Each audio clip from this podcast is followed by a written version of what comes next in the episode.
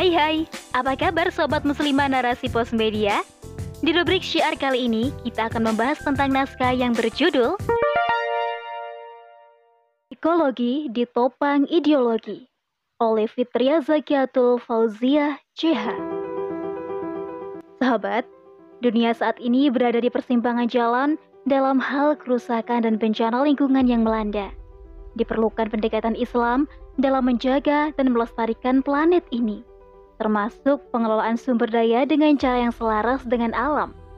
Tidak akan sengsara umat manusia yang mengadopsi Islam sebagai ideologi dan keyakinan hidupnya, termasuk menjadikan Islam sebagai solusi atas problematika yang dihadapi manusia di dunia. Sebab Allah Subhanahu wa Ta'ala, Sang Pencipta dan Pengatur alam semesta, manusia dan kehidupan telah menjadikannya sebuah agama yang dibawa Nabi Shallallahu Alaihi Wasallam sebagai risalah bagi alam semesta dan seisinya. Dan ini adalah kalam Allah yang tidak akan pernah lekang oleh waktu. Di dalam sistem Islam, kekayaan alam adalah bagian dari kepemilikan umum. Kepemilikan umum ini wajib dikelola oleh negara, di mana hasilnya diserahkan untuk kesejahteraan dan kemaslahatan rakyat secara umum Sebaliknya, haram hukumnya memberikan hak pengelolaan kepemilikan umum kepada individu swasta apalagi asing. Sahabat muslimah narasi postmedia, salah satu pedoman dalam pengelolaan kepemilikan umum antara lain melalui hadis riwayat Ibnu Majah, sabda Rasulullah Shallallahu alaihi wasallam yang artinya kaum muslim berserikat atau mempunyai hak yang sama atas tiga hal, air, padang rumput, dan api.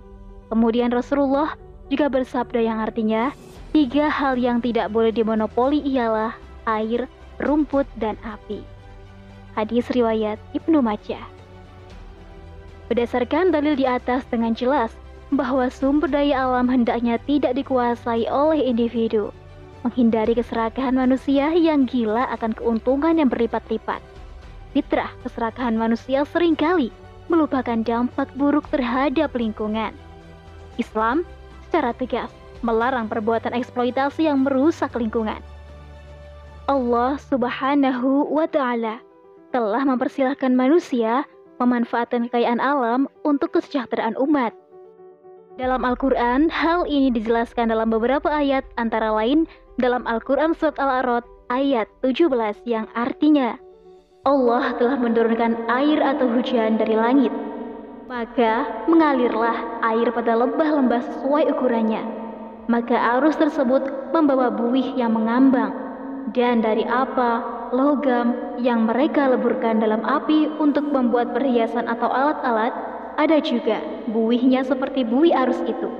Demikianlah Allah membuat yang semisal bagi yang hak dan yang batil. Adapun buih itu akan menghilang sebagai sesuatu yang tidak ada harganya. Adapun yang memberikan manfaat kepada manusia, maka ia tetap di bumi. Demikianlah Allah membuat perumpamaan-perumpamaan.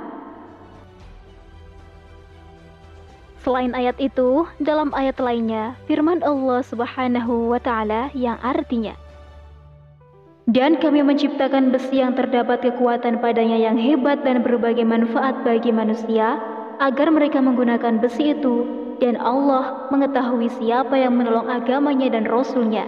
Padahal Allah tidak dilihatnya. Sesungguhnya Allah Maha Kuat lagi Maha Perkasa. Quran Surat Al-Hadid ayat 25 Pengelolaan sumber daya alam harus tetap terjaga, stabilitas, dan kelestariannya.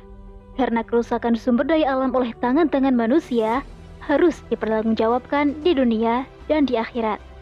Prinsip ini didasarkan pada Quran Surat Al-Rum ayat 41 yang artinya Telah terlihat kerusakan di darat dan di laut yang disebabkan karena perbuatan tangan manusia agar Allah merasakan kepada mereka sebagian daripada akibat perbuatan mereka supaya mereka kembali ke jalan yang hanif